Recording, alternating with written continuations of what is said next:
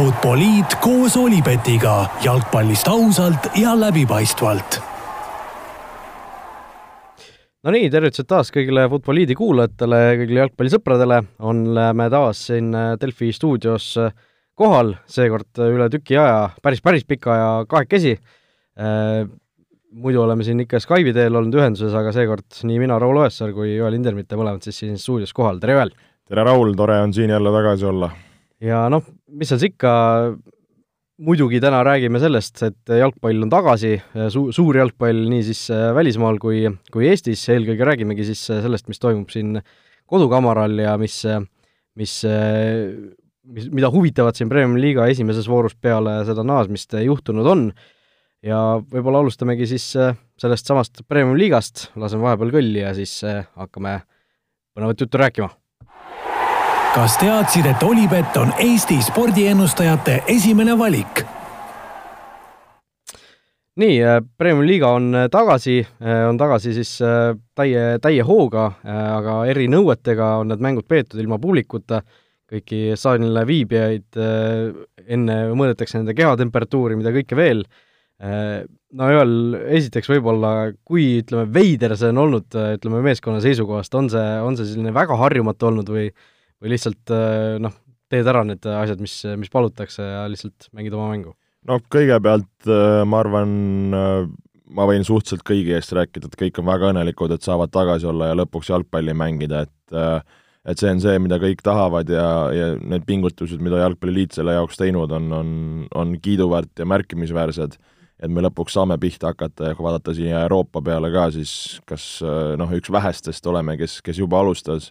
et selles suhtes äh, väga hea meel ja suur kiitus, kui sa küsisid, et äh, kuidas see nii-öelda olla on, siis noh, see mõõtmine ja see on meil ju tegelikult treeninguprotsessi osa olnud äh, kohe algusest peale, et enne igat trenni siis mõõdetakse palavikku, kogu aeg see käte desinfitseerimine ja see sinna juurde, et, et see, see nagu ma arvan, ei ole, ei ole nii kummaline. Aga noh, muidugi on kummaline noh, kogu see, see mänguprotsess, kui sul tõesti ei ole publikut, võib-olla eriti ka meie kodumängud, kus me oleme harjunud, meil on omad fännid, oma, oma publik, siis äh, noh, paratamatult see on niisugune veidikene veider ja noh, ei saa öelda, et päris treeningmängu tunne on, aga, aga see väline kuva sinna võib olla veidikene sinnamoodi, et äh, et äh, eks ta harjumatu on, aga ei ole midagi teha, tuleb olla õnnelik selle üle, et me saame mängida ja, ja mängida nendes tingimustes, mis siis, mis siis praegu on noh, see, selle publikuta mängimise kohta ilmselt noh, tõesti Lillekülas ilmselt on seda tugevalt tunda, eks ju, aga näiteks mina käisin eile Kadriorus kommenteerimas siis Tallinna Kalevi Narva Transi mängu ja Kadriorus see nagu väga noh, mingil hetkel nagu unustasid üldse ära, et seda publikut ei ole, et sellest ei saanudki nagu nii väga aru, sellepärast et Kadriorus noh, kes seal on kodumänge mänginud, ongi näiteks Levadia olnud, kellel tavaliselt ei ole väga palju publikut, väga palju häälekat publikut niikuinii ja Kadriorg on see staadion on ka selline noh, avatud, et see ei ole selline kinnine nagu Lilleküla, kus see, kus see hüüdmine ja asi hakkabki kajama, et Kadriorus nagu väga ei olnud sellest isegi aru saada, eks mingil määral ikka kuskil see peas niimoodi, nii-öelda kuskil taustal on kogu aeg, et see sellist tausta, taustaheli nagu väga ei ole, aga aga selles suhtes see väga nagu minu meelest ei, ei häirinud küll või midagi väga ebatavalist see nagu, see, see tunne nagu ei olnud, aga tõesti see see, see kogu see temperatuuri mõõtmine ja asi, noh, niisugune natuke eriline tunne ikka tekib, kui sa oled üks nendest nii-öelda, nii-öelda sajast inimesest, kes sinna staadionile võib minna, on ju, et et noh, eks äh, ilmselt väga kaua see asi ei kesta, loodetavasti tähendab, kui, kui juulist alates siin publikut lubatakse, kui asi hullemaks ei lähe, siis siis äh, varsti võib-olla on, on natuke see olukord selles suhtes parem, aga aga no räägime sportlikus võtmes ka natukene, Premiumi liiga naasis viie mänguga ja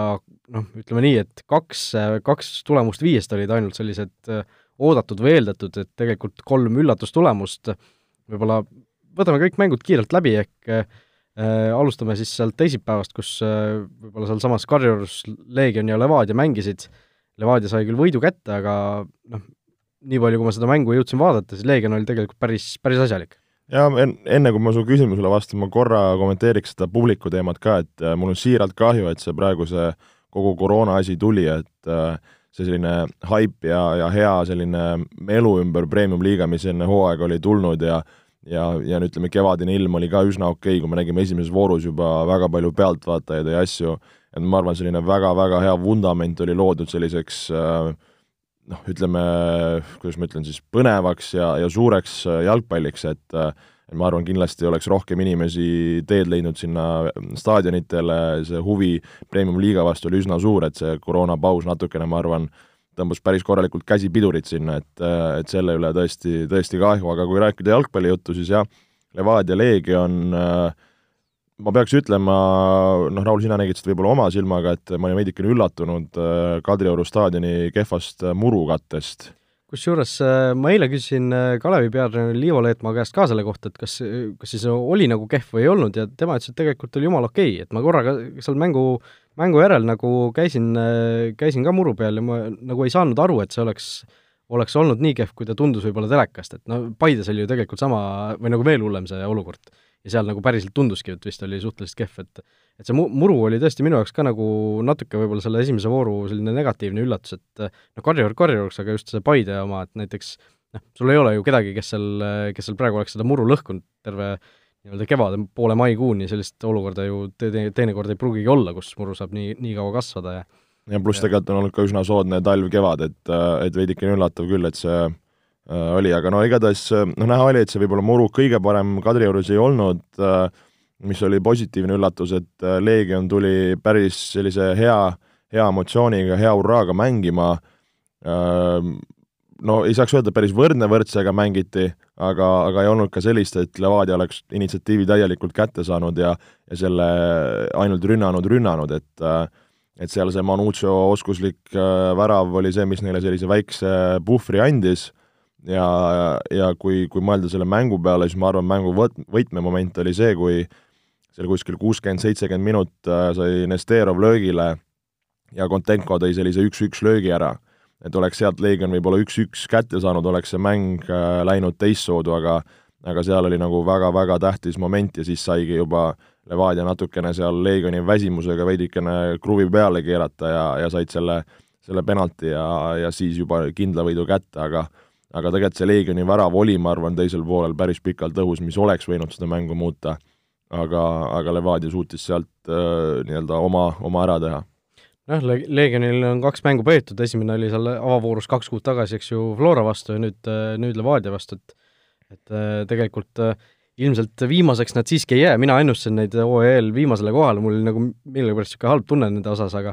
aga praegu need esimesed, esimesed mängud on nagu pigem, kuigi nad on kaks kaotust saanud, siis pigem on nagu sellist äh, vastupidist äh, minu jaoks äh, näidanud, aga noh, äh, eks vaatame, kuidas neil edasi läheb, see hooaja alguse graafik oli neil päris, päris karm, samal ajal siis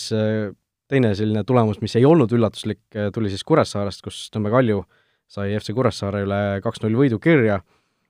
noh, mängu alguses seal need kaks väravat ära löödi, esimene oli kohe seal kolmandal või neljandal minutil Rauno Tutki oma värav, teine seal Kaarel Usta tabamus, kus ta tähistas seal selle käte desinfitseerimisega, eks ju, mis, mis kindlasti paljud on seda klippi juba näinud, aga aga noh, seda mängu ma nii palju ei näinud, kuna seal üheaegselt need mängud toimusid, äh, ka võib-olla na-, natukene kellelegi tuhka pähe raputada, et äh, kui need mängud on niikuinii kõik, mida telekast vaatame, siis natukene oleks võinud võib-olla neid nii-öelda ajastada niimoodi, et nad ei kattuks nii palju. aga eks, eks seal noh, arusaadavalt äh, ei saa, ei saa liiga palju ka seda te-, tekitada, sellepärast et tekitaks äh, järgmises voorus ebavõrdseid äh, situatsioone võib-olla võistkondadele, aga võib-olla just kellaaegade mõttes, kui niikuinii publikut ka ei ei, ei lasta staadionile, siis võib-olla kuskil varem alustada, kuskil natuke hiljem alustada. lihtsalt mõte või idee, ma ei tea, võib-olla selle, või noh, kindlasti selle peale on mingil määral mõeldud ka. aga noh, äh, seda mängu ma nii palju ei näinud, sellepärast et jälgisin rohkem seda Levadia Leegioni kohtumist äh, Äh, aga noh, tundus, et ka Kaljul ikkagi suhteliselt rasked olud olid jällegi Kuressaares, tuuline, tuuline ilm nagu seal äh, noh, eel-, mitte küll nii tuuline nagu eelmine Kuressaare ja Kalju mäng, eks ju, Saaremaal, mis seal lõppes selle teivashüppemati lendu tõusmise ja mängu katkestamisega, aga siiski rasketes oludes Kalju sai oma kolm punkti kätte ja võivad ilmselt rahule jääda nojah, et seal tegelikult äh, Kuressaarel alati on olnud isegi just need kevadised voorud, see muru pigem hea, et seal väljaku taha küll midagi ei jäänud, aga aga ma arvan, Kalju jaoks oli see mugav, et need kiirelt kaks väravat ära tulid, mis, mis andsid neile sellise jällegi puhvri ja enesekindluse ja, ja noh, Kuressaarel oli seal juba hakata null kahe pealt äh, raske välja tulema. et äh,, et sellest suhtes ma arvan, sinna see, see mäng läks ka. no Kaljul veel see äh, vene äss Amir Natko ka äh, peagi peaks võistkonna juures tagasi olema, kuuldavasti seal see karantiin lõppes juba ära, nii et ja koroonatest oli negatiivne, et saab selle käigu ka veel Kalju siin lähiajal juurde. aga kolmas teisipäevane mäng Paide ja Viljandi lõppes siis esimese sellise suure üllatusega, Viljandi suutis võõrsil kaks-üks võidu kätte saada ja noh, selles suhtes seisu mõttes oli see kaks-üks võib-olla isegi natuke kindlam, kui see esialgu tundub, sellepärast et Paide selle oma auvärava sai seal, ma ei tea, kas neljandal üleminutil kirja, eks ju, et et Viljandilt väga südi etteaste, aga noh, ei saa üle ega ümber, see muru kvaliteet ilmselt mõjutas seda mängu päris palju, tundus. Nojah, et ise seal väljakul ei käinud, et äh, mida nägi siis äh, telepildi vahendusel, tõesti tundus, tundus päris, päris kehva, see pall põrkas seal ja ja oli aeglane, et äh, Paide, kellele meeldib niisugust võib-olla lühikest söödumängu mängida, oli see, see mäng häiritud, aga noh, ma arvan, et siin, kui me räägime kõikidest nendest esimestest voorudest, siis, siis tuleb aru saada, et siin on väga-väga pikk mängupaus selja taga olnud ja ja, ja mingit pidi need niisugused üllatustulemused on omalt poolt loogilised ja ma arvan, neid siin esimeses, ma ei tea, kokku kuni viies voorus võib veel juhtuda, kuni, kuni võistkond ennast käima saavad ja ja just see, see kaitsmine on kindlasti jalgpallis kergem kui rünnata ja ma arvan, Viljandi tegelikult näitas seda hästi, et kaitses oli, oli hambad ristis, tegid väga hea partii,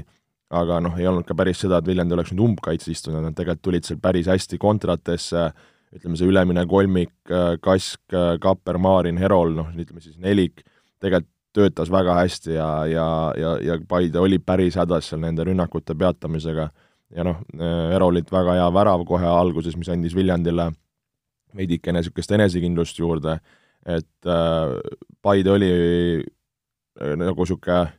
ei olnud oma, oma parim Paide selles esimeses mängus, mis on mingit pidi arusaadav et Viljandi kasutas selle, ma arvan, väga hästi ära ja, ja napsas need punktid, punktid äh, nii-öelda teenitult.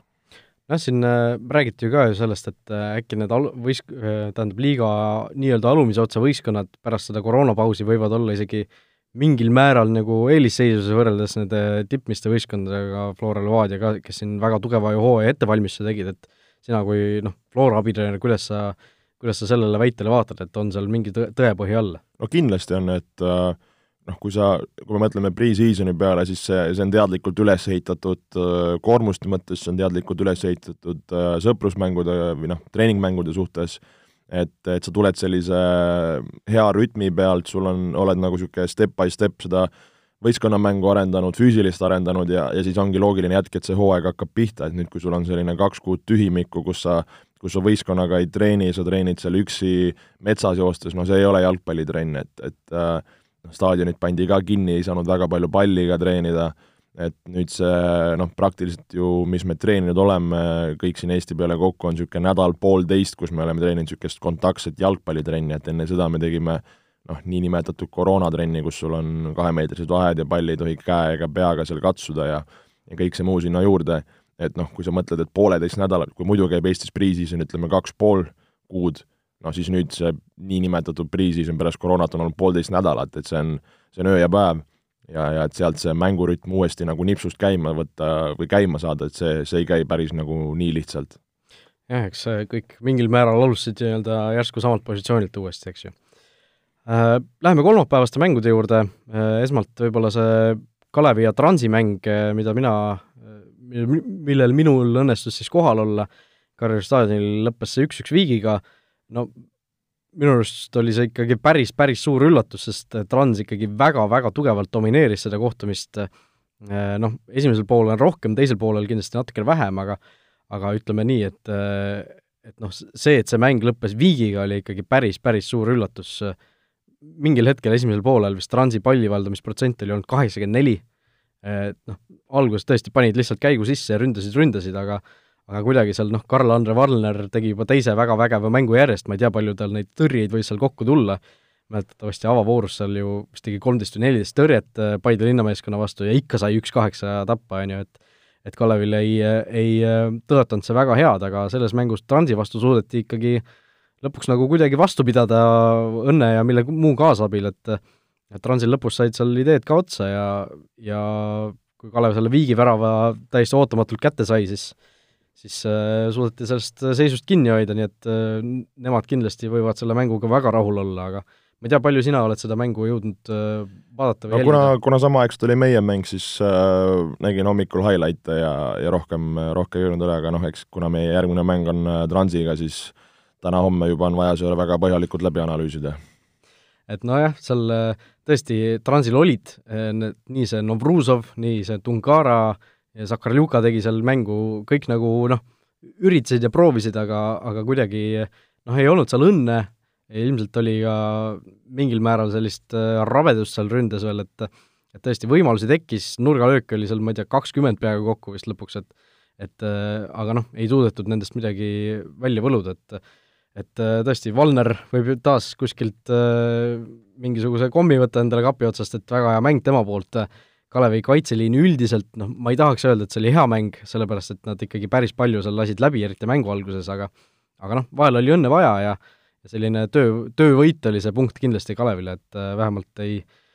suudetakse ilmselt see avavooru üks-kaheksa kaotus äh, tagasi, et või nagu nii-öelda maha jätta endast, et Liivo Leetmalt ka noh, edukas peatreeneri debüüt Premiumi liigas, äh, pärast mängu kiirelt vestlesime, siis oli ka ikkagi silmnähtavalt rahul mees, et et Kalev võis kindlasti selle punktiga rahule jääda. aga lähme edasi siis äh, selle kõige, vooru kõige skandaalsema mängu juurde, Flora null, Tammeka null äh,, no esmalt äh, noh, Flora kindlasti tuli sellele mängule ju võidu mõtetega, mis, mis siis valesti läks, mis juhtus? no kohe, kohe selline kuri ja provotseeriv äh, küsimus, äh, no ütleme niimoodi ne, Need veel tulevad no ütleme niimoodi, et äh, et see Tammeka on tegelikult ju, ju väga hea võistkond ja nad on näidanud küll, et nad võivad suurtega mängida, et see ei ole see Tammeka, kes siin, ma ei tea, kolm-neli aastat tagasi, kus sa lähed ja sõidad lihtsalt üle ja saad kolm punkti, et äh, nad on, nad on kõvasti juurde pannud ja, ja, ja, ja nad mängivad selles suhtes head jalgpalli. aga kui rääkida mängust endast, siis äh, A Le Coq'i muru oli väga hea, mis, mis andis, andis mängida jalgpalli ja ma arvan äh,, kui võrreldes nende teiste kohtumistega selles voorus, siis, siis nägi üsna kvaliteetset mängu ja, ja sellise hea tempoga mängu. et äh, noh, Tammeka tuli üsna, üsna kaitsvalt sellises viis-kolm-kaks formatsioonis äh,, ja, ja noh, istuti üsna, üsna madalal selle plokiga ja, ja ei ole kerge seda võib-olla nii lihtsalt lahti muukida. et ma arvan, me suutsime olla läbi mängu üheksakümmend minutit äh, üsna ohtlikud isegi selle kaitsva, kaitsva Tammeka vastu, luua võimalusi, leida neid tsenderdamismomenti, nurgalööke, asju, aga, aga ei suutnud seda viimast hiile täppi peale panna, kas, kas koksata see palli sisse sealt, anda see õige sööt, et äh,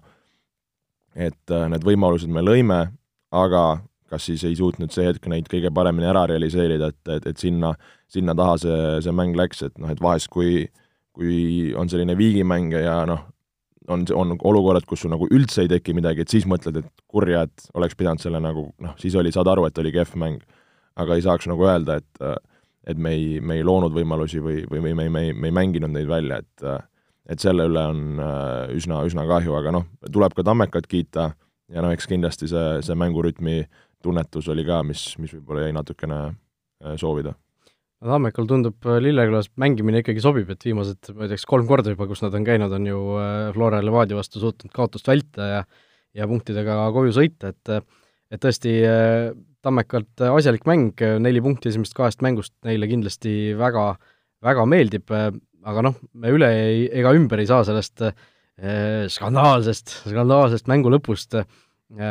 kindlasti jalgpallisõbrad on näinud seda uudist või, või seda olukorda, kiirelt võib-olla räägime lahti siis, et mängu lõpus äh, Kevin Aaloel, endisel Flora mängijal, praegusel Tammeka mängijal, tekkisid siis krambid. Äh,, Tammeka väraval Pehteril oli pall käes, viskas selle out'i, et, et saaks äh, arstid Aaloe juurde tulla või Aaloe, Aaloega tegeleda. Äh,, ja, ja kui pall tagasi mängu pandi, siis Konstantin Vassiljev, äh, elav legend Eesti jalgpallis, äh, otsustas siis äh, fair play nii-öelda põhimõtteid mitte austada ja, ja mängis siis nii-öelda Flora rünnakut edasi, et et ja noh, seal pärast veel Mihkel Järviste, Tammeka mees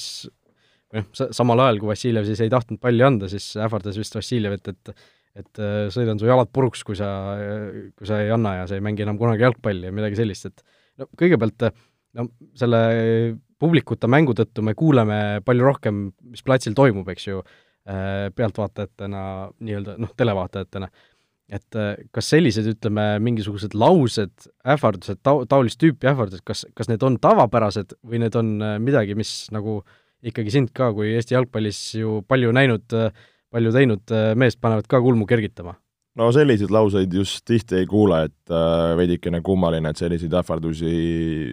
sellise mehe vastu pillutakse, et äh, et nii, nii mustades toonides ähvardusi käib küll niisugune väikene võib-olla noh, mölisemine on vale öelda, aga niisugune väikene, et, et see on, ma arvan, üsna, üsna karm nagu. okei okay,, et äh, ütleme, mis, mis selline tavapärane piir on siis, kui ütleme, noh, tulebki sulle mõni niisugune noh, ma ei tea, temperamentsem mängija vastu, äh, sõidad talle korra kossi, mis ta sulle tavaliselt võib-olla vastu ütleb siis? no oleneb, et ma ei hakka siin kõiki neid sõnu siin välja ütlema, aga eks oleneb mängijast, oleneb iseloomudest, et äh, mõni võib su kuhugi tumedasse kohta saata, mõni võib sulle lihtsalt öelda, et kuule, jobu, mis sa teed ja noh, et siin on seinast seina, et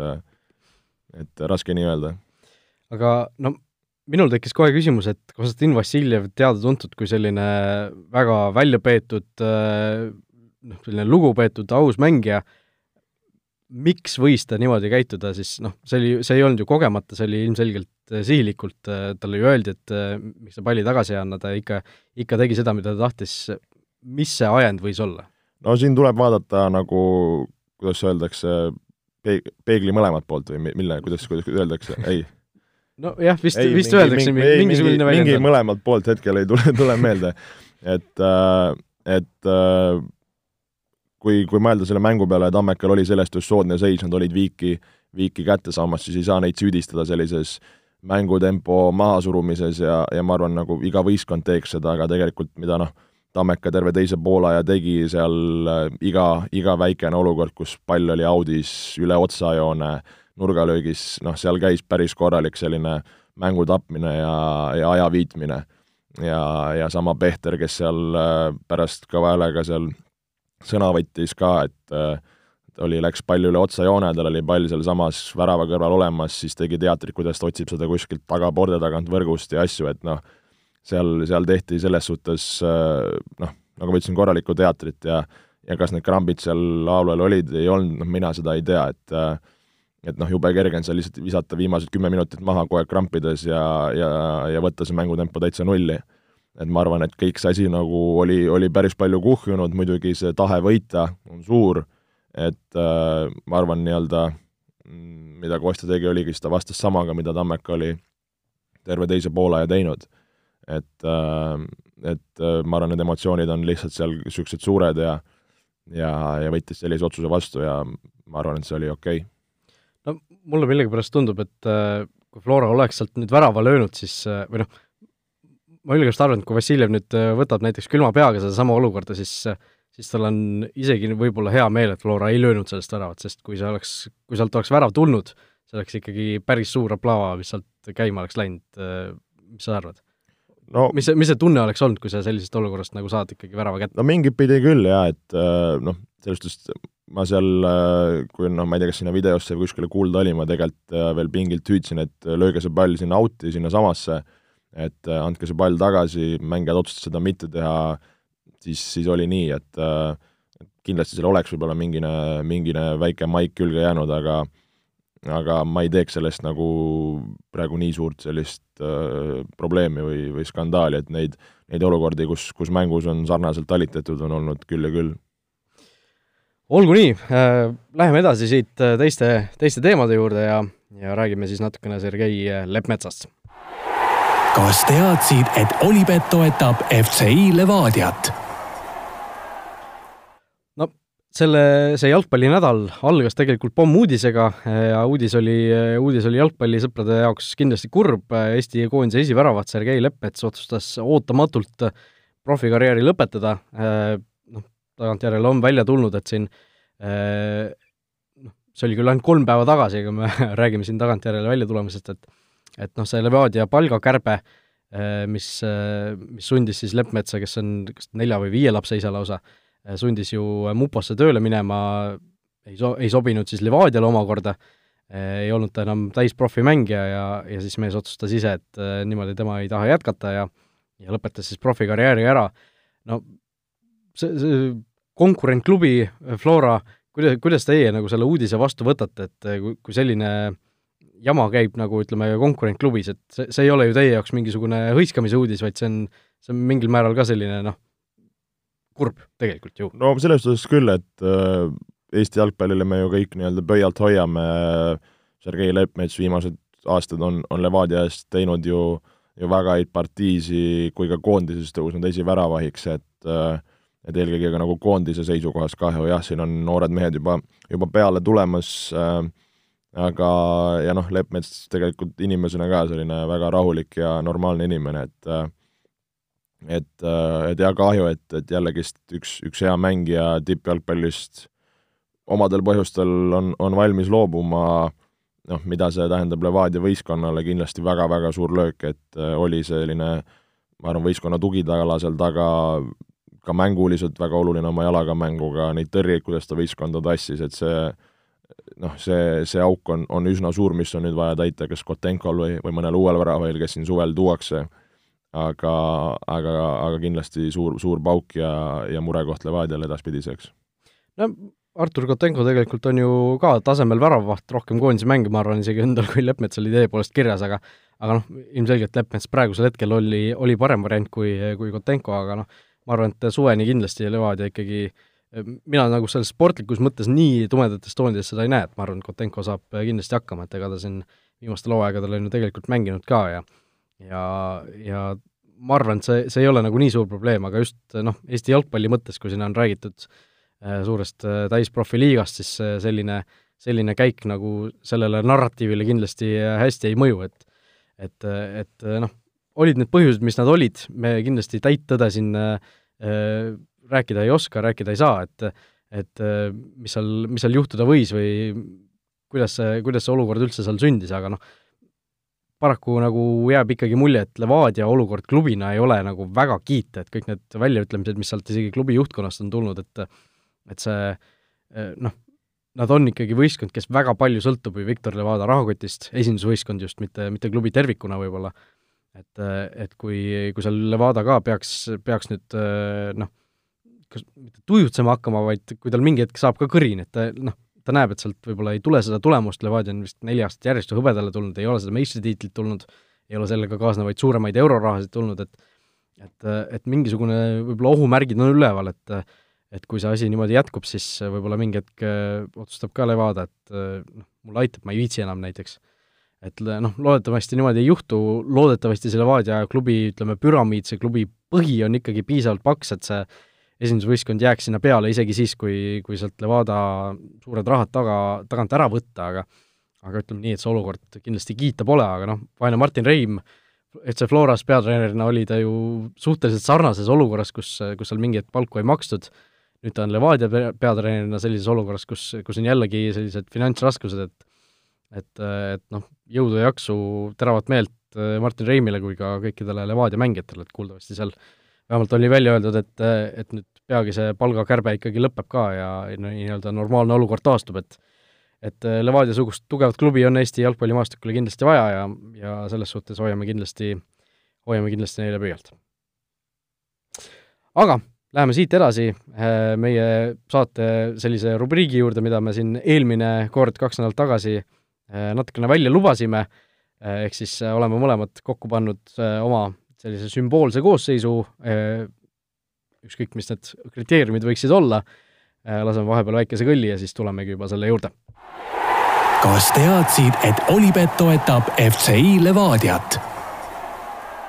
ja nende sümboolsete koosseisude kohta, mis võib öelda, et kuna me siin koroonapausi ajal erinevaid tabeleid ja ja koosseise välja mõtlesime, siis äh, oli ka see meil pikalt plaanis igal pool ka sotsiaalmeedias äh, erinevate jalgpalliklubide siis kas mängijad või treenerid samamoodi panid oma, oma koosseise kokku ja, ja sellest ka siis ajendatult leidsime meie, et võiksime ka selle, selle kokku panna, noh, kriteeriumid olid lihtsalt äh, selline parim või unistuste koosseis läbi aegade, mis, mis kokku panna annab, ise valid formatsiooni, ise valid mängijad. Ja no vaatame, Raul, siis kumma võistkond parem on ja, ja kes, kes kellele ära teeks paneme Fifas vastakuti mängima, on ju, või midagi sellist. Äh, no ma ei tea, kuidas me teeme, kas alustame niimoodi, et äh, paneme mõlemad äh, nagu liinide kaupa hakkame rääkima, nagu me kunagi siin Eesti koondisega tegime, et no väravas, väravvahiks mina noh. Kõigepealt ka formatsioon, siis on for aru saada. okei okay,, formatsioonist räägime kõigepealt, no mina ikkagi jään truuks oma, oma lemmikule neli, kaks, kolm, üks, neli kaitset, kaks sellist kontrollivat keskpoolikut, kolm sellist ründavat mängijat ja üks tipuründaja, et siin mina üllatusi tegema ei hakanud, kuidas sinul?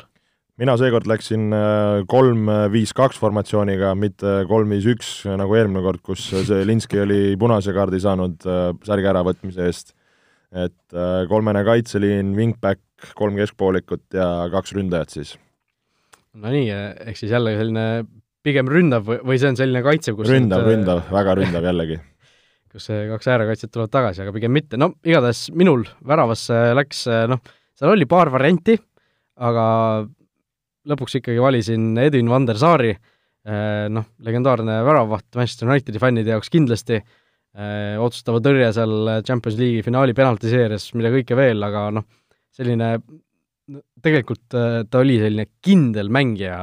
eriti kui Unitedis oli, eks ju, kus, kus ta nagu minu, minu radarile tugevamalt tuli, et noh, ta ei teinud erilisi prohmakaid, ta oli selline rahulik, äh, noh, täpselt selline ki-, kindel vend, kellele alati sai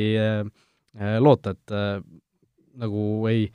ei, ei olnud tema see, kelle pealt kunagi kärises midagi sellist, et noh, teine variant, kes mul sinna oli, näiteks David De Gea,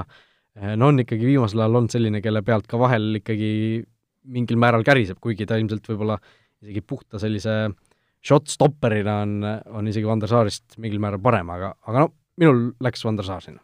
no Vander Saar tegelikult hea valik, tõesti selline kindel mees, aga, aga ma arvan, äh, Vander Saarist üks mees on, on kõvasti kindlam läbi aegade ja selleks on Itaalia härra Gianluigi Buffon, minu üks lemmikväravavaht, kes äh, noh, see mees lihtsalt aastast aastasse tead, mis sa sealt saad, see tema olek, see tema selline avatus, need kavalad naeratused, see selline aura, mis tema ümber on, et seda, seda on äge vaadata ja, ja väiksest saati juba, kui kuskil hoovijalkas väravahikindad kätte tõmbasid, siis ütlesid, et Gianluigi Buffon on väravas ja hakkasid seal hüppama. nojah äh,, eks, eks see asi niimoodi ole, minul ka Buffon, ma, ma isegi koostasin, noh, ma ei jõudnud seda küll lõpuni päris koostada, aga koostasin sellise alternatiivse äh, sümboolse koosseisu, kus siis äh, ainult kuuluvad mängijad klubidest või või koondistest, kes mulle ei meeldi näiteks et, et seal Buffon äh, konkureeris esiväravahi kohal, aga lõpuks, lõpuks seda ei saanud ähm,. Aga äh, läheme edasi kaitseliini juurde äh,, võib-olla siis paremalt alustades, minul esimene mängija äh, Äh, Dani Alves, äh, kes on ka siis, oli ka seal koosseisus, kes mulle ei, tegelikult ei meeldi nendest klubidest, ehk siis Barcelonast, äh, oli ta üks väheseid selliseid äh, sümpaatseid mängumehi minu jaoks, et ta alati selline noh, see tema suhtumine jalgpalli, kogu see noh, selle võtab võib-olla hästi kokku see olukord, kus vaata, mingid rassistid viskasid talle banaane ja siis ta lihtsalt võttis selle ühe ära, on ju, mängu ajal, et et, et selline ja noh, mängija tüübilt ka selline mõnus, ründav, äh, resultatiivne, samas noh, kaitses võib-olla vahel, vahel jättis unarusse, aga tegelikult vajadusel tegi ka seal oma töö ära, et et äh, minul ta alati kuidagi jäi sealt positiivselt meelde Barcelona koosseisust, et tegelikult kuigi mulle Barcelona üldse ei meeldi, et et Alves jõudis koguni nii hästi, et, et jõudis minu koosseisu. ja ülejäänud liin? ülejäänud liin siis äh, keskkaitses äh, selline endine Manchester Unitedi paar, aga, aga tegelikult jällegi üks mees ka FC Barcelonas mänginud, äh, mängib siiamaani, Gerard Piquet, ka jällegi selline sümpaatne mängija tegelikult olnud, kuigi, kuigi mängib Barcelonas, rohkem mul Barcelona mehi ei ole, ma luban. Nemanja Vidic, teine noh, absoluutne selline kalju, kalju seal taga keskkaitses, ei pea vast pikemalt peatuma ja vasakkaitses võib-olla natuke selline võib-olla üllatuslik valik, ei ole ta üheski minu sellises lemmikvõistkonnas mänginud, pigem jällegi vastupidi, aga Aleksandr Kolarov, millegipärast, millegipärast alati, alati valik. minule meeldinud kuidagi selline, sellise ägeda stiiliga mängumees ja, ja selline noh, ka niisugune kivinägu on ju kogu aeg, mis tal peas on, see kuidagi väga sümpaatne vend ja noh, need karistuslöögid ja ja standardid, mis ta annab, on muidugi omast klassist, et võib-olla selline pisut, pisut üllatuslik valik kahe väga ründava äärekaitsega, aga aga eks mul see ülejäänud võistkond on selline, et nad, küll nad seal taga ära, ära seisavad. Okei okay,, väga huvitav valik, äh, noh nagu ma ütlesin, minul kolmene keskkaitseliin taga, noh jällegi nagu siin, kui ma Eesti koondist koostasin, ma arvan, nendest meestest äh, mööda ei minda, siis äh, kolmene keskkaitseliin paremalt poolt Sergio Ramos, keskkaitses siis keskmisena Virgil van Dijk ja vasakpoolse siis keskkaitsjana Paulo Maldini. et siin on kunagine legend, siis Ramos, kes on selline äh, praegune legend natukene juba ja siis Van Dijk, kes on juba ja on tulevane, et siin on kõik, kõik esitatud ja ma arvan, siin viimaste kahekümne aastate üks, ühed parimad keskkaitsjad üldse, et äh, Maldini noorena mäletan, kuidas mulle väga meeldis ta juba ja noh, Sergio Ramos on ikka veel üks, üks lemmikmängijaid ja noh, Van Dyke'i olen ma, olen ma pidevalt haipinud, et äh, need noh, see, siin ei olnud küsimustki, kes, kes sinna kolm tükki taha lähevad, minu jaoks vähemalt. No okei okay,, no tundub tõesti selline väga jõuline ja, ja tugev kaitseliin, et et siin ei saa sellele äh, sellele vastu vaielda, aga noh, võib-olla vahetame vahepeal järjekorda, alusta sina oma poolkaitseliiniga. jah, et siis ma võtan need wingback'id ka sinna poolkaitseliini, ma ma panin sinna ka paremasse wingbacki Taani Alvesi ka, kes kes, kes samamoodi tegelikult, nagu sa rääkisid selle pika jutu ära, et mul on, on sarnane selline, sarnane selline tunne tema vastu, et see tema see mängulust ja, ja ta on hea äärekaitse, et siin ei ole midagi öelda. mul oli noor Trent Alexander-Arnold sinna natukene konkureerimas, aga noh, ta ei ole veel nii kõva mees, et tal peab siin paar aastat aega minema, et siis, siis ta saab äh, saaks võib-olla rohkem sinna minu koosseisu, aga, aga läks Taani Alves lukku ja noh, vasakul pool teine, teine wingback, kes üles-alla tuulutab ja paneb pomme, on Roberto Carlos, legendaarne mees ja, ja no siin ei, tema kohta ei pea rohkem äh, sõnu, sõnu ütlema, et äh, ma arvan, kui mul on Taani Alves ja Roberto Carlos seal wingbackide koha peal, siis on nii kaitses asjad korras, kui ka rünnakul on päris, päris korralikult jõudu. ja keskväljal äh, lähen sellise ütleme siis kaks alumist ja üks number kümme, no ma arvan ka, et siin minu keskväljale väga, väga vasturohtu ei ole, kontrolliv äh, maestro Andrea Pirlo, kes tõmbab seal niite ja hoiab mängu käima, mängu käimas, tema kõrval äh, Zinedine Zidane, mees, kelle, kelle IQ on, on, on täiesti müstiline ja tema tehnika ja kõik see selline voolavus. ja number kümne peal on selline mees nagu Ronaldinho. Ehk, äh, ehk selline keskvälja kolmik, kus Pirlo siis dikteerib, Zidane on selline linking player ja Ronaldinho kümne peal siis teeb oma maagiat ja on sellises äh, vabas, vabas võtmes, et äh, jällegi siis tunnen, et, et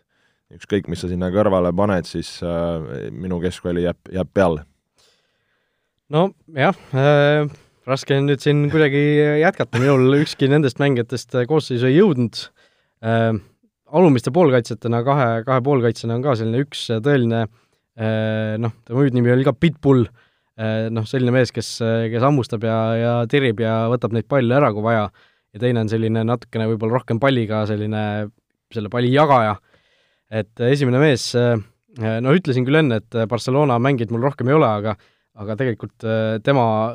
karjääris niisugune ka väike iluviga seal kahekümne, kahe tuhande neljandal aastal laenul juhtus äh, kui käis Barcelonas laenul selline mees nagu Edgar Davids. et äh, ta-, Davids on kusjuures äh, üks esimesi nagu selliseid tippjalgpallureid, kes mulle kuidagi meelde on jäänud, et äh, mäletan, see oli kahe tuhandenda aasta EM, mina olin siis noh, kuueaastane, hakkasin seitse saama ja kuidagi see Edgar Davids jäi mulle, jäi mulle nagu meelde sealt, et no ma arvan, kõigile jäi, et see soeng, need prillid, et ma arvan, ei ole meie vanuses inimest, kellele Davids ei ole kuidagi meelde jäänud et jah, sellepärast ma nagu natuke sümboolselt panin ta sisse ja noh, seal ikka Crystal Palace'i ja Barnetti legend, eks ju, kus ta seal karjääri lõpuaastatel mängis, et kaks tuhat neliteist alles lõpetas ära tegelikult, naljakas mõelda, et siis kus ta seal Inglismaa kuskil League One'ides, League Two'des äh, mängis, et äh, ja, ja Davidsi kõrvale panin äh, sellise natukene rahustava funktsiooniga mängija siis Michael Carricku, ka Manchester Unitedil, Unitedis pikalt mänginud mees, selline sageli jääb natukene võib-olla nähtamatuks seal platsil, aga aga teeb oma töö iga kord ära ja jällegi selline mees, kelle pealt ei kärise. ja, ja nende kohal siis äh, kolm sellist mängijat äärte peal, äh, David Beckham, äh, ka jällegi Unitedi mängija, endine Inglise koondises, legendi staatusesse tõusnud, teise ääre peal noh, ei keegi muu kui Cristiano Ronaldo,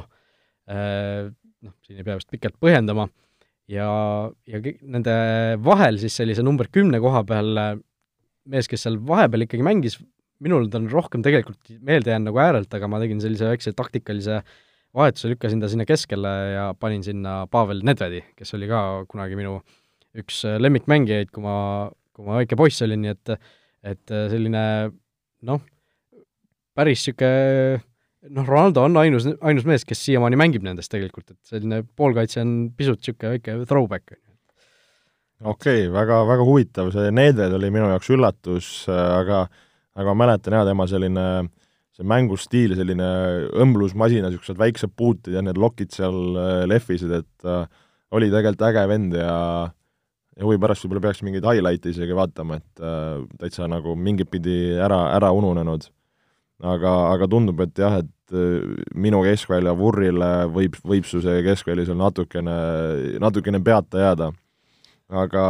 noh, siis kes minu seda keskvälja vurri toetavad, on kaks meest ründes, nime, perekonnanimedega Ronaldo Ronaldo,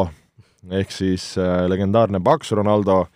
siis äh, loodetavasti natukene varasemas sellises vanuses, kus ta seal äh, konksutab ja tõmbab väravahte kohvile ja teise ründajana ees siis Cristiano Ronaldo, et äh, et ma arvan, kui mina oma selle pundi välja paneksin, siis äh, hooaja peale mõlemad Ronaldod lööksid no kolmkümmend vähemalt, mõlemad. see on siis Eesti liigas, jah? no igal pool, ükskõik mis liigas, ükskõik mis liigas. ja, ja eks siit igalt poolt mujalt tuleb ka, tuleb ka siin keskkaitse nurgalöökidest, Carlos äh, karistuslöökidest, Ronaldinho ja Sisu ka kauglöögid, et äh, ma arvan, väga, väga mürgise pundi sain siin äh, kokku okei okay., no see on, ütleme jah, selline valik, millel on jällegi raske kuidagi vastu vaielda, mina jällegi eh, oma, oma koosseisu tipuründaja valimisel lähtusin natuke võib-olla sellisest sentimentaalsest väärtusest jällegi ja, ja noh, võtsin eh, noh, tema oli vist tõesti minu lemmikjalgpallur, eh, isegi lemmikum kui seal Nedvedid ja Beckhamid ja ja kes kõik veel, kui ma üles kasvasin väikse poisina ja noh, põhjus oli ka ilm, ilmselt ilmselge, see oli Raul et, et noh, ainus jalgpallisärk, mis mul kunagi on olnud, on ka Rauli oma, siiamaani alles kuskil niisugune must Madridi Reali särk, ees on vist kas veel mingisugune, mitte Telefonica, aga mis see Pekka ei olnud või? Peko jah, mingi see Peko või Teka, jah. Et see, see tõesti, särk on siiamaani alles ja ja temale ma kaasa elasin kui oma nimega aimul, et et Raul, noh, seal ei olnud erilist valikut, kes mul seal ette ründesse läheb, et et võib-olla jah, ütleme statistika ja võib-olla sellise mänguklassi poolest jääb natuke alla, aga ma, minu võistkond, ma loodan, et kokkumäng on parem, et ei, see on, see on hea mõte, mida, mida loota, mäletan ka ka minul vist oli Rauli särk kodus, et äh, kunagi, kui Kadaka, Kadaka turult neid, odavalt neid jalkasärke sai, siis oli ka vist kaks sedasama musta äh, El, El Galacticose mängusärki oligi Zidane ja Rauli oma. Ja siis alati, kui, kui hoovijalkas oli, siis äh, tõmbasid need äh, särgid peale ja, ja läksid mängisid, et äh, good times, good times, nagu öeldakse. just, nii et äh, sellised äh, koosseisud meil siis oli, minul siis väravas Edwin van der Saar, kaitseliin Dani Alves, Nemanja Vidic, Gerard Piquet, Aleksander Kolarov, alumised keskpoolikud Edgar Davids ja Michael Carrick, nii-öelda ülemine liin siis David Beckham, Pavel Nedved, Cristiano Ronaldo ja ees Raul, muideks Davidsi ja Beckhami puhul, Beckhamit ma ka mäletan kahe tuhandenda aasta EM-ist ja seal ma, ma mäletan äh, selle kaudu kuidagi, et et äh, Edgar Davids ja äh, David Beckham või kuidagi, kuidagi need kaks nime ja siis ma vaatasin, et Edgar Davids on nagu tagu, tagurpidi David Beckham või kuidagi kõlas kuidagi sarnaselt, et Beckham David või David Beck-, no kuidagi mingi niisugune paralleel oli mul väiksest, väiksest peale olemas. nii, ja sinu koosseis siis? ja loen igaks juhuks siis ette, Buffon väravas, kolm keskkaitset taga, Ramos, Van Dijk, Maldini, wingbackid Dani Alves, Roberto Carlos, keskväljal Zizou ja Andrea Pirlo, kümne peal Ronaldinho ja ees siis kaks, kaks Ronaldot.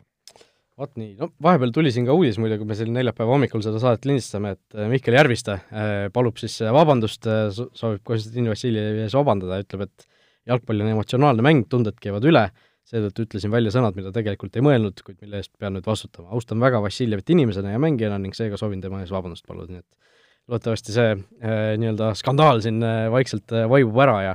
aga noh, mine tea, võib-olla siin selline Flora Tammeka väike rivaliteet hakkab, hakkab tulema, et selliseid asju Eesti liigas tervitaksime kindlasti, et kui sellist natuke lisasärtsu mängudele, mängudele lisada, aga aga mis seal siis ikka, ega jalgpall ju, suur jalgpall tegelikult jätkub ja ja ja jätkub juba siin sel nädalavahetusel Premiumi liigas ka, nagu sa ütlesid, teie ju mängite Norra Transi vastu siin. Ja, ja noh, Paide Kuressaare laupäeval, Kalju Leegion, siis laupäevased mängud, pühapäeval Transflora, Tammeka Kalev ja siis voor lõpetab Viljandi tuleviku ja